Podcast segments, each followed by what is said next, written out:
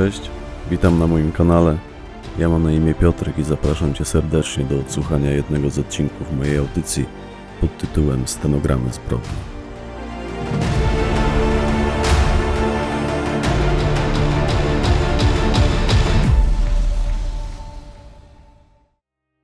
Proceder, część 11. Fragment stenogramu rozmowy z Jerzym S. pseudonim Dziadek. Czekaliśmy wtedy z figurą przy wyjściu, pilnując naszych walizek, a Sowa stał przy przenośniku taśmowym i wciąż czekał na swoją. I kiedy tylko ją podjął, podeszło do niego dwóch mężczyzn w mundurach Straży Granicznej, w towarzystwie, jak nam się wtedy wydawało, dwóch pracowników służby ochrony lotniska. Ci ostatni ubrani byli po cywilnemu. Zaczęła się dyskusja, trwało to dłuższą chwilę. Sowa w pewnym momencie spanikował, chwycił swoją walizkę, próbował ich ominąć i po prostu opuścić lotnisko. A kiedy oni zdecydowanym krokiem ruszyli za nim, puścił walizkę i gwałtownie rzucił się do ucieczki. Wtedy oni dobiegli do niego, pochwycili go za ręce, on się zaczął wyrywać, zaczęli się szamotać, przewrócili go na posadzkę, docisnęli kolanami. Źle to wyglądało. Natychmiast też wyjąłem telefon i zadzwoniłem do Lutego. Kazał nam opuścić halę przylotów i udać się na parking. Tam podjechał po nas, minę podobnie jak my miał nietęgą. Wsiedliśmy do auta i odjechaliśmy. Co więcej mogliśmy zrobić? Gdybyśmy nie mieli przy sobie towaru, moglibyśmy spróbować sowę odbić, ale miałem wokół brzucha przyklejone pakunki z koksem, figura też i sowa też. Przemycaliśmy wtedy ile i jak się tylko dało, żeby zrekompensować to, że z Darkiem nam się nie układało i że luty z nami już nie latał, a przynajmniej robił to wyjątkowo rzadko. Stąd też, wbrew wcześniejszym ustaleniom, obklejaliśmy się od czasu do czasu towarem, więc Sowa raczej nie miał szansy się wyłgać, że to nie jego walizka albo ktoś mu coś podrzucił. Miał na sobie wtedy ze 3 kg z najwyższej półki koksu.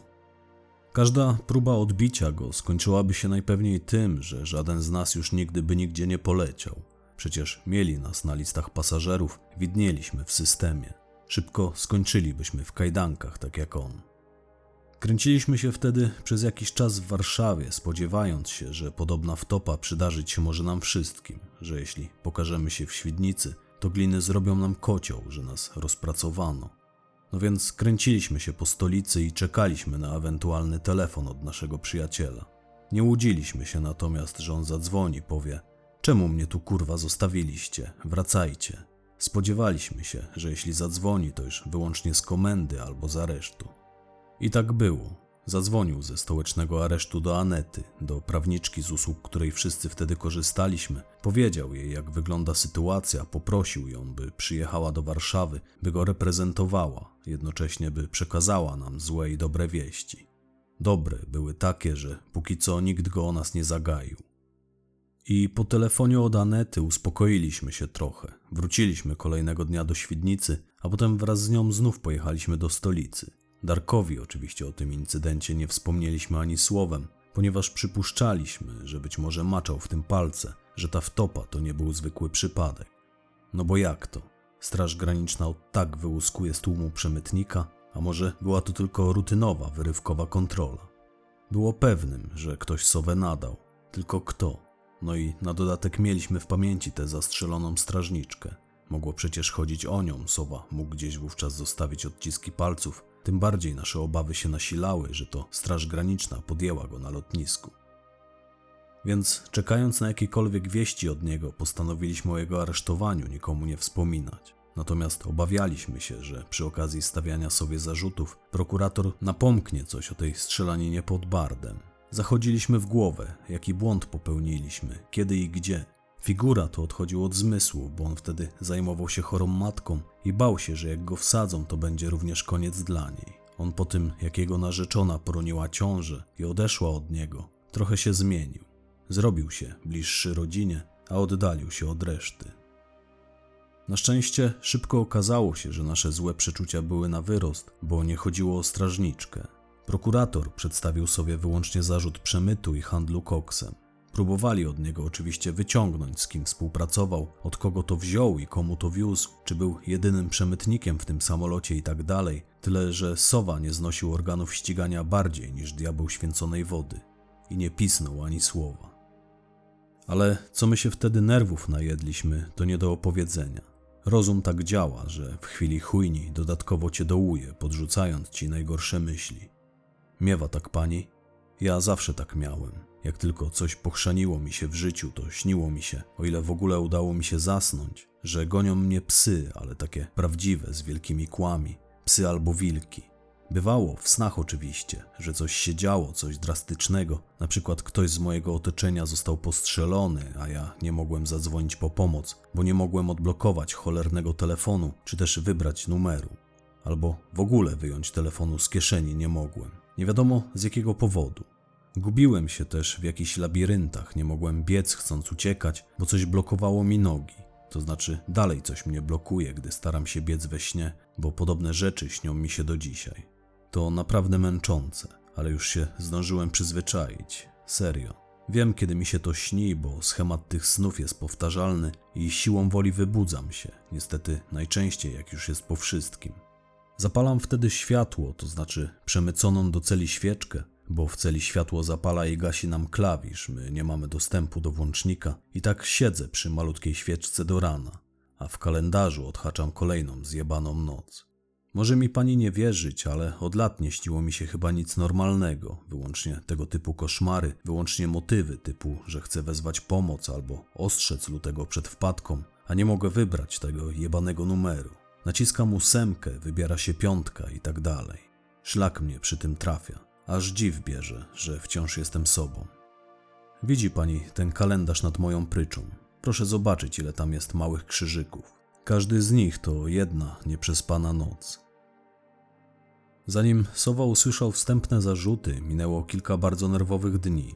Ze względu na to, że nie wiedzieliśmy, czego właściwie możemy się spodziewać, woziliśmy przy sobie paszporty, w razie gdyby trzeba było na zawsze wiać z ojczyzny.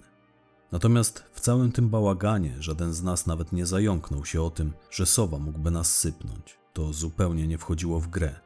Znaliśmy go bardzo dobrze, widzieliśmy go w wielu sytuacjach. Pamiętam, jak kiedyś siedzieliśmy u niego w mieszkaniu po naszym drugim czy trzecim przemycie. Sowa był już zrobiony, po etapie euforii dopadła go melancholia. On się poryczał lutemu na ramieniu, dziękując mu za to, że może z nim działać. Nam też dziękował. A potem, po tej jego melancholii, nadszedł etap agresji. Sowa rozpieprzył stojącą na ławie butelkę po szampanie, haratnął się nią po klatce piersiowej, rozmazał sobie krew na koszuli i na twarzy i trochę wbrew nam zawarł z nami pakt, że jak nas dorwą kiedyś psiarskie, to on bierze wszystko na siebie. Wszystko. A my się zgodziliśmy, żeby tylko się uspokoił. Potem w różnych sytuacjach jeszcze kilkukrotnie to powtórzył. On naprawdę wierzył w to, co mówił. Był pełen swoich zasad, których raczej nikomu nie udałoby się złamać. Nikomu. I HWDP to była jedna z nich, jedna z jego głównych zasad, jego religia. My wiedzieliśmy, kim on jest, że jest do szpiku kości prawilny, a jednocześnie ma trochę daleko do peronu, że ma lekki problem sam ze sobą, lecz wiedzieliśmy też, że możemy mu bezgranicznie ufać. Był nieskończenie lojalny, nieważne czy był naćpany jak bąk, był lojalny i nawet jak dużo gadał, to nie gadał pierdół. On jak słyszał słowo policja albo psiarskie, bo zdarzało się, że wieźliśmy towar i widząc jakiś radiowóz czy patrol ostrzegaliśmy się w ten sposób przed niebezpieczeństwem, to Sowa jak słyszał hasło psy, to zupełnie jak ten wściekły pies dostawał piany na mordzie. Taki był. On wolałby zdechnąć niż pójść na współpracę. I kiedy siedział już w areszcie z postawionymi mu zarzutami przemytu narkotyków, pytali go, z kim był, kto mu pomagał, a on uparcie twierdził, że robił to sam. W momencie, gdy my stale naradzaliśmy się co dalej, szukaliśmy jakiegoś sposobu, by go z tego wyciągnąć, albo chociaż maksymalnie złagodzić mu nieuchronnie zbliżającą się karę. I siedzieliśmy pewnego razu w willi lutego, to była zima, był wieczór. W rogu salonu, w którym się rozsiedliśmy, stała pięknie przyozdobiona choinka, bo zbliżała się wigilia. Jakoś na dzień czy dwa przed Wigilią w domu lutego rozległ się dzwonek wideodomofonu. My wtedy też tam byliśmy, więc byliśmy świadkami tego, o czym za chwilę pani opowiem. Olga robiła coś z dzieciakami w kuchni. To ona na dźwięk dzwonka otworzyła furtkę i wpuściła tamtego jegomościa na teren ich posesji. Zaraz też rozległ się dzwonek do drzwi. Starszy syn Olgi pobiegł je nieproszonemu gościowi otworzyć. Nie było spiny, bo nie mieliśmy wtedy ani grama towaru. Zbliżały się święta, więc zluzowaliśmy z robotą. Wszystko się rozeszło po ludziach, a my przygotowywaliśmy się do wyjazdu za granicę, bo zamierzaliśmy spędzić Sylwestra na Kubie. Sorry, Sowa, ale tak było. Pojechaliśmy wtedy bez ciebie.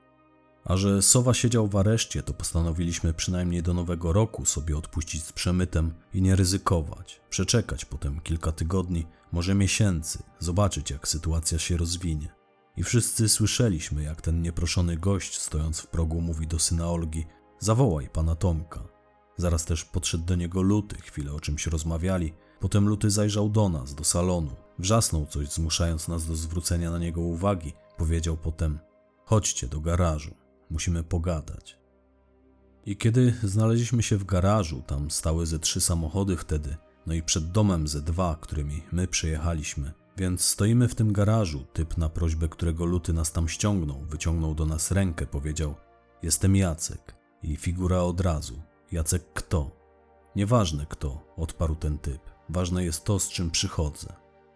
I w dalszej rozmowie wyszło na to, że on był agentem ABW, był szefem jakiegoś wydziału w biurze stołecznym, a do tego był zwykłą, skorumpowaną łajzą. I przyszedł do nas z propozycją praktycznie nie do odrzucenia. Zaproponował nam bowiem ochronę naszej działalności.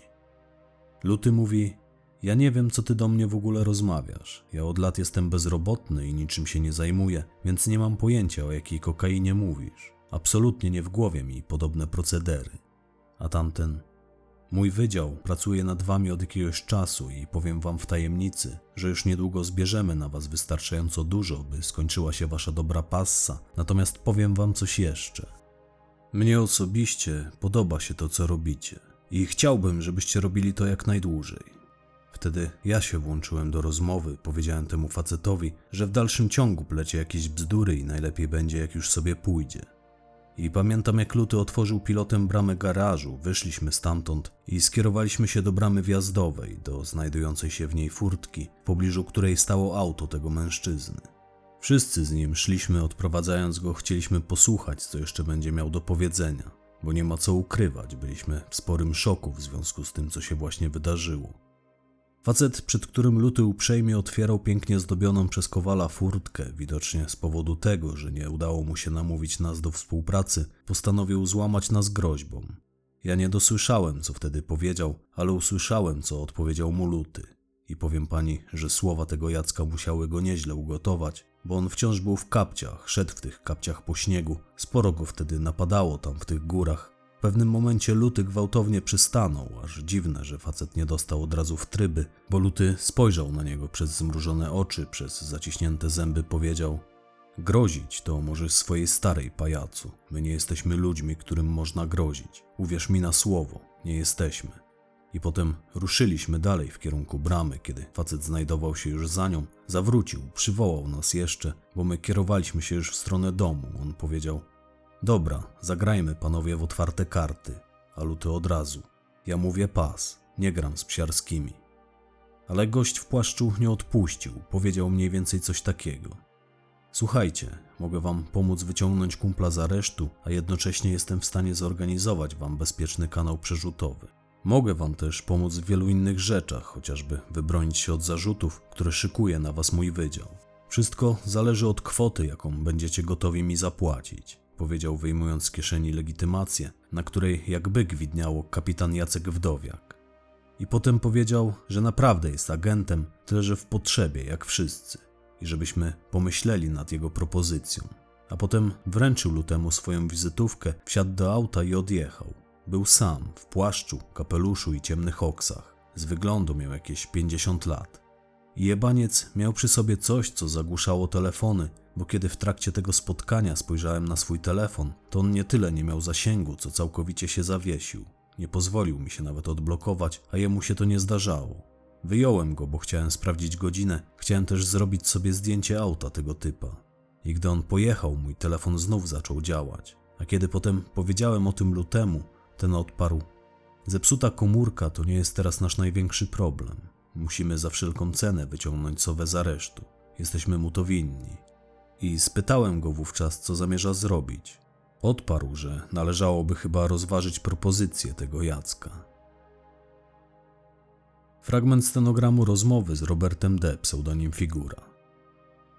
Gdzieś tam w głębi świadomości wiedzieliśmy, że jesteśmy w czarnej dziurze i nie za bardzo mamy inne wyjście, aniżeli podjąć się współpracy z tym osobnikiem. Długo nad tym rozmyślaliśmy, poruszaliśmy wszelkie za i przeciw, broniliśmy się przed tym. I tych za było więcej, ale my i tak byliśmy przeciw, bo tak należało. Ale popatrzmy na to obiektywnie. Po pierwsze, typ miał znajomości i być może faktycznie był nam w stanie pomóc w kwestii sowy. Po drugie, napomknął coś o bezpiecznym kanale przerzutowym, a to po naszej ostatniej wpadce też był jeden z tematów, które nie dawały nam spokoju i było to coś, co bardzo by nam się przydało. No i był oficerem ABW po trzecie. Musiał mieć sporo znajomości i długie ręce. Z pewnością mógł spełnić swoje obiecanki, a był nim. Był oficerem agencji, bo go sprawdziliśmy. Kapitana Jacka Wdowiaka znaleźliśmy na stronie internetowej jednej z agencji prasowych, jak mu tam ktoś, prezydent chyba, wręczał jakiś medal za nienaganną służbę. I kilka dni później dziadek z Lutym zgodzili się z nim spotkać, ale nie po to, żeby podjąć się z nim współpracy, bo mówię, taką możliwość odrzuciliśmy, mimo tego, że byłoby nam to bardzo na rękę. Bardzo. Ale dla zasady ją odrzuciliśmy. To Luty namawiał nas do tego, by przyjrzeć się tej propozycji, ale ja z dziadkiem twardo uparliśmy się przy swoim, więc póki co wciąż było po naszemu. I chcieliśmy się z tym człowiekiem spotkać wyłącznie po to, by wyciągnąć od niego to, jak dużo wie na nasz temat, a zwłaszcza od kogo to wie. Tyle, że on się nie zgodził spotkać z nami w swoim biurze. Powiedział, że to niemożliwe, że to wygeneruje zbyt duże ryzyko dla niego. Spotkaliśmy się więc w jakimś hotelu w Łodzi, w połowie drogi. W sumie pamiętam, jaki to był hotel. To był taki z zielonym logiem przy jednej z głównych arterii, niedaleko skrzyżowania z Piotrkowską. I ten człowiek, żeby po raz kolejny nam udowodnić, kim jest i jak daleko sięgają jego ręce, pokazał nam zdjęcie z naszym Darkiem i powiedział: Zrobiłem je przed kilkoma dniami w świdnickim areszcie, bo jego też w końcu przymknęliśmy. I Luty zdziwiony jak 150 pyta go za co, a Jacuś wciąga do nosa coś w typie tabaki, odpowiada za wszystkie jego grzechy i grzeszki. Potem schował tę tabakę do kieszeni marynarki, źrenice mu się rozjechały jak u kota, wyostrzyło mu się spojrzenie, powiedział i was też kurwa zamkniemy za wasze grzechy, bo pętla się wokół was zaciska już od dawna. Słuchajcie, zamknąłem tego Darka, bo za dużo donosów ślę do prokuratury na wasz temat i potrzymam go w areszcie, żeby wam nie szkodził, ale macie tylko dobę do namysłu. Jeśli zgodzicie się na współpracę, ja chcę dole tego Darka, tyle że nie w towarze, a gotówką. Koks mnie nie interesuje, no chyba że mała działka, wyłącznie kilka cukierków na własny użytek. W zamian pomogę wam wyciągnąć kumpla z aresztu, ale tylko jednego. I dodatkowo zorganizuję wam bezpieczny kanał przerzutowy. Będziecie latać na służbowych papierach. A co jeśli się nie zgodzimy? Wtrąciłem. A ten Jacek przeciągnął palcami wzdłuż nosa, pociągnął nosem, potem splunął do chusteczki, którą wyjął z kieszeni, spojrzał na mnie, odrzekł: Macie 24 godziny. Jutro widzimy się ponownie. I albo przyjdę do was sam, jak dzisiaj, albo w obstawie uzbrojonych po zęby znajomych mi twarzy z policji. Tyle, że wtedy spotkamy się po raz ostatni. Tylko od was zależy, którą opcję wybierzecie i dajcie mi o niej znać SMS-em. Dokończył Jacek i wyszedł, zostawiając nas samych w tamtym pokoju. Pamiętam, że dziadek był tak wściekły, że chciał pójść za nim, by go po prostu odjebać pod tym hotelem, tu i teraz, potem wrzucić do bagażnika, utopić jego zwłoki gdzieś w rzece. Ale Luty go powstrzymał, kazał mu pójść do łazienki i przemyć twarz, żeby ochłonął. Potem podszedł do okna, patrzył jak ten typ wsiada do auta, odjeżdża spod hotelu, następnie odwrócił się do nas, oznajmił: Spokojnie, mordy, usiądźmy i przemyślmy to jeszcze raz. Rozkmińmy to kolejny raz, tylko potraktujmy temat nadzwyczaj poważnie, bo wiele wskazuje na to, że Darka popierdoliło i żarty się skończyły. Proszę pani, co się okazało? Otóż Darka przymknęła ABW pod zarzutem handlu narkotykami i sprowadzenia niebezpieczeństwa utraty zdrowia wielu osób. Tak tylko, żeby zatkać mu mordę, bo już sypał. ABW tak może, oni nie pierdolą się w tańcu, mają uprawnienia większe niż psiarskie, a z pewnością mają dłuższe ręce. Więc po tej akcji z zatruciami przycisnęli konfidentów, jeden z drugim wskazali im Darka i potem pojechali prosto na jego adres. Posłuchali go pewnie na głośniku, weszli mu na nieruchomość, znaleźli u niego towar, przymknęli go, postraszyli zarzutami, a ten buc zaczął sypać jeszcze bardziej. On już wtedy zdążył wsypać najpierw dealerów, a potem nas, a w sumie to tylko sowę, bo jeśli już mam być mocno szczegółowy, to wsypał napakowanego gościa z kucykiem, który w określonym terminie będzie leciał zatem do Warszawy z walizką pełną kokainy. Darek zrobił to, żeby go wzięto na współpracę, żeby mu złagodzono późniejsze wyroki. On pisał donosy do prokuratury o tej i podobnej treści. I dokładnie tak brzmiały jego zeznania, bo ten Jacek przywiózł nam kiedyś kopię papierów z przesłuchania Darka i kopię listów, które od jakiegoś czasu ten głupi chuj słał do prokuratury. Anonimowo na szczęście, dlatego prokuratura miała problem z połapaniem wszystkiego od A do Z. Natomiast ABW takich problemów nie miało. Tematem zajmował się Jacek, przymknął szybko Darkowi mordę. Zrobił to też po to, żeby nam udowodnić, że stoi po naszej stronie, że chce nam pomóc, bo zobaczył w nas pieniądz. No widzi pani, na szczęście służba w naszym ABW to nie jest żadna praca marzeń. Znalazł się tam jeden wysoko postawiony Jacuś, który postanowił coś ugrać dla siebie, by pożyć jak panisko chociaż na emeryturze. Być może sam w tym siedział, być może robił to z kumplami, bo wydaje mi się, że niektóre tematy z pewnością musiał z nimi poruszać. Normalnie powinni byli nas przymknąć od razu, a on znalazł czas, by z nami ponegocjować. I kiedy mu nie wyszło, postawił nam to ultimatum. Faktycznie było to dla nas ultimatum, bo żadnemu z nas nie uśmiechało się wtedy pójść pierdzieć w pasiaki. Proszę sobie wyobrazić, jaki był bezczelny. Przyszedł do lutego do domu, grożąc mu więzieniem, jeśli ten nie pójdzie z nim na współpracę. W sumie to wszystkim nam groził więzieniem, jeśli nie podzielimy się z nim zyskami. Ja jestem z krwi i kości bandytą, ale niech mi pani wierzy, ja bym tak nie potrafił. Trzeba im przyznać. Mają to coś, syny. Fragment stenogramu rozmowy z Jerzym S., pseudonim Dziadek. Umowa była taka, że on nam wyrabia papiery, na których latamy, co w rzeczywistości okazało się dokumentami potwierdzającymi rzekome nasze przeloty z pocztą dyplomatyczną. Jak dostaliśmy je od niego do ręki, to nie posiadaliśmy się ze szczęścia. Od tego momentu staliśmy się przecież praktycznie niewidzialni. Tyle, że Jacek nie pozwolił nam przeholować. Układ stanowił, że mieliśmy przemycać tyle samo, ile do tej pory i w ten sam sposób, tyle że z pominięciem kontroli bagażu. On sporo nam pomógł w temacie przemytu, pomógł nam też w temacie sowy, aczkolwiek w tej kwestii wszystko i tak zrzucił na nas. No i potem dokoptował nam limona. To może zacznę od sowy. To ten Jacuś uświadomił nam, że dla sowy jest już za późno, że on i tak pójdzie pierdzieć w pasiaki i że jedynym sposobem, by wyciągnąć go z tarapatów, jest siłowe uprowadzenie go. Pamiętam, jak Luty patrzy na tego Jacka. Siedzieliśmy wtedy w jakiejś knajpie w Świdnicy, chyba w bunkrze. Luty mówi: Jak ty to sobie wyobrażasz? Mamy wejść do aresztu, zabić strażników i go stamtąd wyprowadzić? Nie odparł Jacuś. Musicie wymyśleć jakiś sposób na to, by on po prostu znalazł się poza murami aresztu. Tylko weźcie pod uwagę, że to niesie ze sobą ryzyko, iż wasz przyjaciel do końca życia będzie na spalonym, będzie musiał już zawsze się ukrywać. O ile zechce, uchowa się potem na wolności, ale koniec z wybrykami, no i z przemytem. Do końca życia będzie musiał pozostać przezroczysty. Powiem pani, że sowy długo nie trzeba było namawiać. Widocznie widmo dziesięciu lat spędzonych za kratami już nie tyle go przytłaczało, co mocno go już gniotło, bo tyle zażądał dla niego prokurator na pierwszej rozprawie. Dziesięć lat pajdy chciał mu wlepić. Na sowy nieszczęście sędzina też należała do tych, co to lubią się na człowieku powyżywać i klepnąć mu najsurowszy wyrok. I sowa nie miał wyjścia. Kupił od współosadzonych szklaną fifkę, ona go kosztowała parę ładnych stówek, Rozgniótł ją klapkiem, połknął jej elementy, świadomie haracząc sobie przy tym język, gardło i przełyk. Ponoć jak zobaczył go po tej akcji klawisz, to sowa wyglądał jak zombie po obiedzie. Istniała obawa, że to co połknął rozetnie mu jelita, więc odesłano go w trybie pilnym pod strażą na latawiec. To taki świdnicki szpital.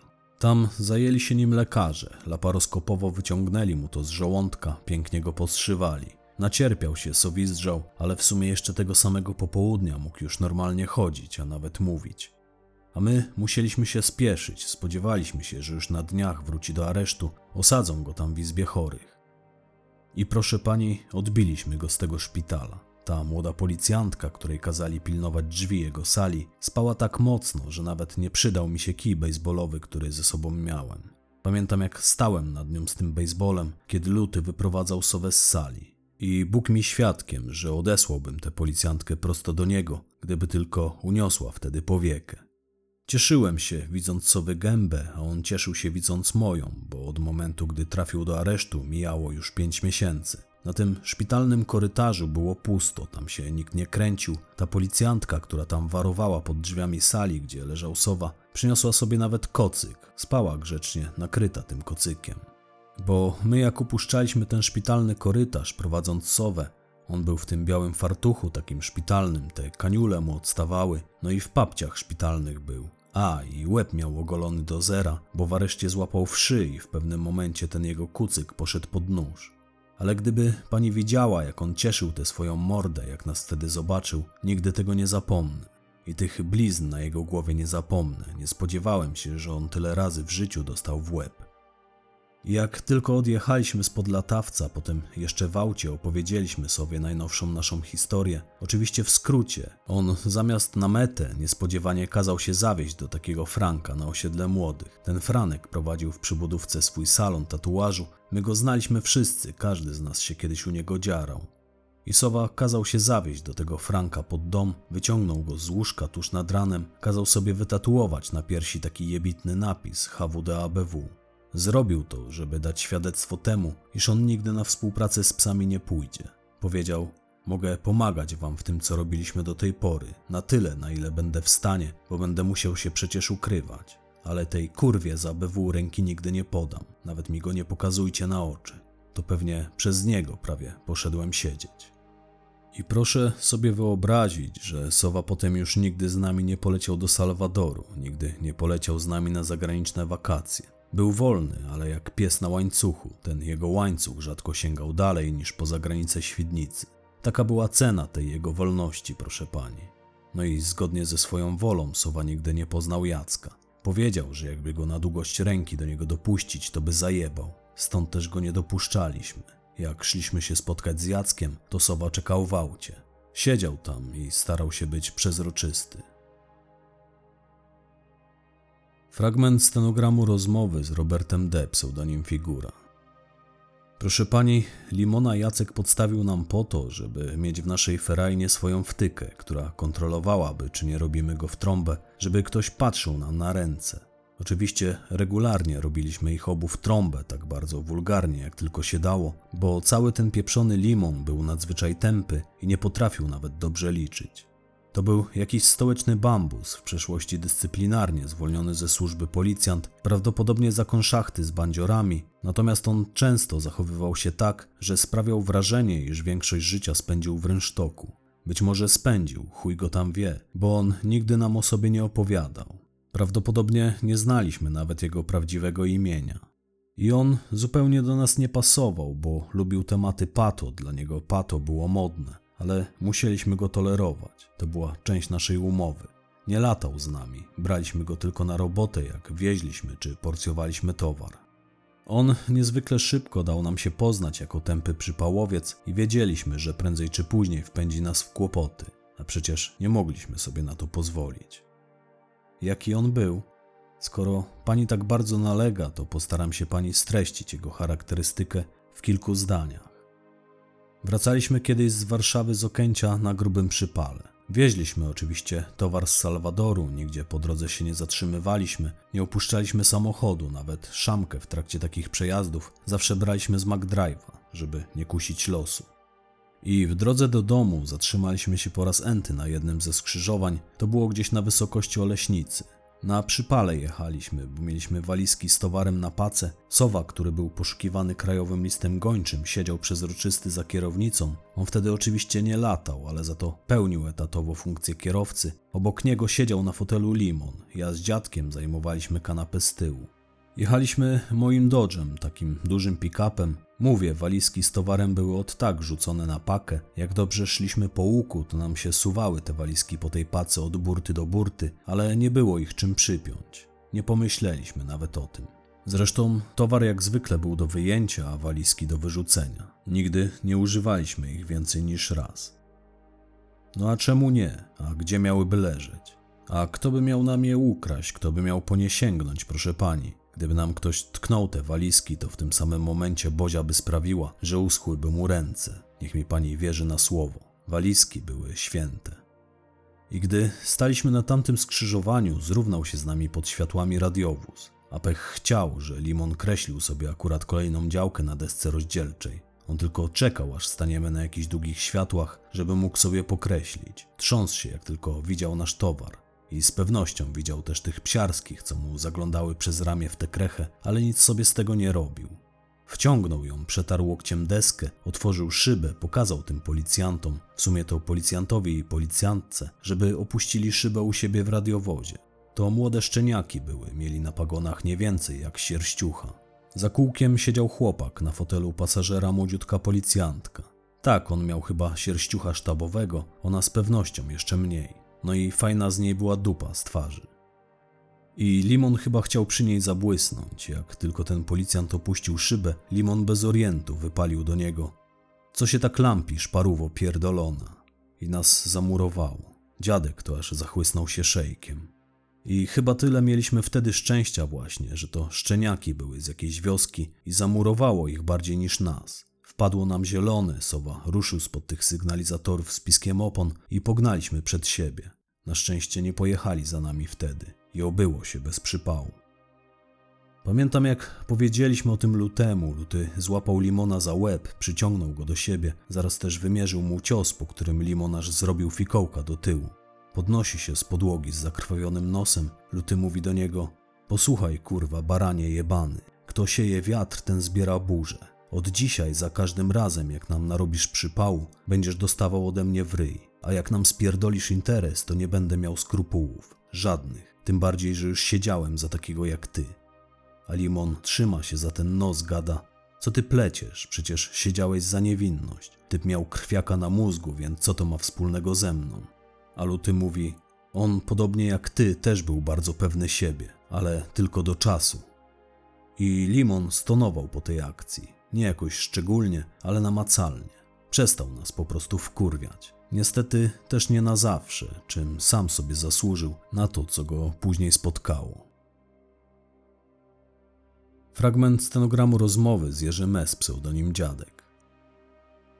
Niech mi pani wierzy, mieliśmy wtedy grubszy problem niż Limon. To Darek stał się naszym głównym problemem, chodziły bowiem słuchy, że zaczyna gęsto sypać.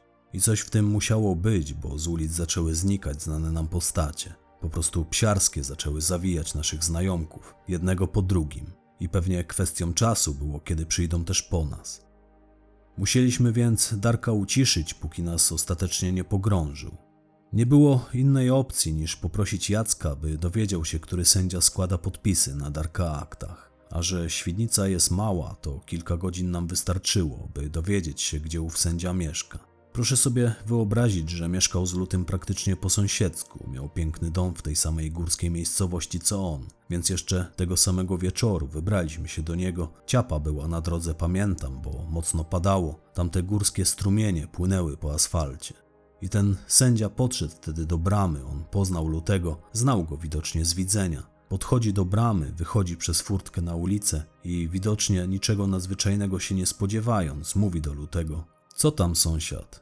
A sąsiad kładzie przed nim sportową torbę, rozpina ją, pokazuje mu jej zawartość, mówi: Tu jest ćwierć miliona dolarów. Jeden podpis, sąsiad, i ta torba jest twoja. Proszę pani, wszyscy się do tej torby zrzuciliśmy, ale z nadzieją, że równie szybko się potem odkujemy. I facet wziął tę torbę, nawet sobie w telefonie zanotował nazwisko Darka, żeby wypuścić właściwego. Niestety Dareczek nie był w ciemię bity. Domyślił się, że coś jest na rzeczy, bo najpierw go przymknięto, potem nagle zwolniono, pozwolono mu odpowiadać w jego sprawie z wolnej stopy, wyjść za kaucją, więc był zaskoczony tym wszystkim i bojąc się wrócić do siebie, zabunkrował się w jednym z jeleniogórskich hoteli. On czuł pismo nosem. Tak, nie wrócił do siebie, tylko pojechał do Jeleniej Góry. On w ogóle stamtąd pochodził, może chciał pobyć w rodzinnych stronach, chuj go wie. W każdym razie zgodził się z Lutym spotkać. Zgodnie z umową to spotkanie zachował w tajemnicy i przyszedł na nie sam. I po pięciu minutach spotkania Luty zadzwonił po mnie i po figurę. Przyjechaliśmy tam do nich, Darek leżał znokautowany, ocuciliśmy go i mocno poobijanego wrzuciliśmy do bagażnika. Potem wywieźliśmy go gdzieś pod Jelenią Górę, tam zadzwoniliśmy do Jacka, bo taki był plan. Jacek miał nam w tym wszystkim pomóc. On zapytał, czy mamy to, co chcieliśmy i gdzie dokładnie jesteśmy. My odparliśmy, że stoimy na tyłach stacji paliw przy drodze. Jacek powiedział: Dobra, podeślę tam kogoś po niego, poczekajcie. I czekaliśmy potem dobrą godzinę. A w tym czasie pogadaliśmy sobie z Dareczkiem przez zamkniętą klapę bagażnika. On już wiedział, co go czeka, co się z nim stanie. Od nas dowiedział się dlaczego. Posmutniał jebany, zwłaszcza gdy sowa do niego przemówił, gdy usłyszał głos wolnego sowy. Bo on dojechał do nas później, w całej akcji nie brał udziału, miał stanowić dla nas zabezpieczenie. Darek przepraszał nas, błagał nas, ale na niewiele mu się to zdało. I jak już mówiłem, po około godzinie podjechało do nas BMW na legnickich blachach, taka stara trójka w kabriolecie, tyle że z naciągniętym wówczas dachem, bo trochę kropiło. Z jej wnętrza wysiadła, ja wiem, z wyglądu miała 30-35 lat, taka dość fajna brunetka, ubrana w strój sportowy, w czarne leginsy i sportowy czarny stanik. Była sama, jak wyznała, przyjechała wprost z siłowni. Podobno Jacek wyciągnął ją z treningu.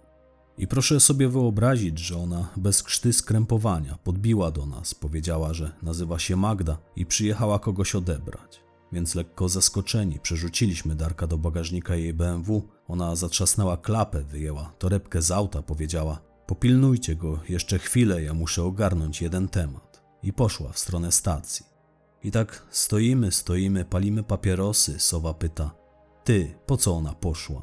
Więc go uświadomiłem, że pewnie zmienić podpaskę. Sowa pyta: Jak zmienić podpaskę? W takim momencie? A Luty wtedy: Normalnie, Sowa. Kobieta poszła zmienić podpaskę. I co w tym dziwnego? Z telewizji się tego nie dowiesz, ale tak, kobiety mają różne damskie tematy. I ta Magda wróciła za chwilę. Sowa spytał ją jeszcze o numer telefonu, ale dostał kosza. Natomiast żegnając się z nami powiedziała: Znikam, chłopaki, nara, po czym wsiadła i dokądś pomknęła, a Darek wraz z nią. I zgodnie z umową między nami a Jackiem, nikt go już nigdy nie widział. Także ten Jacek też kilka razy bardzo nam się przydał.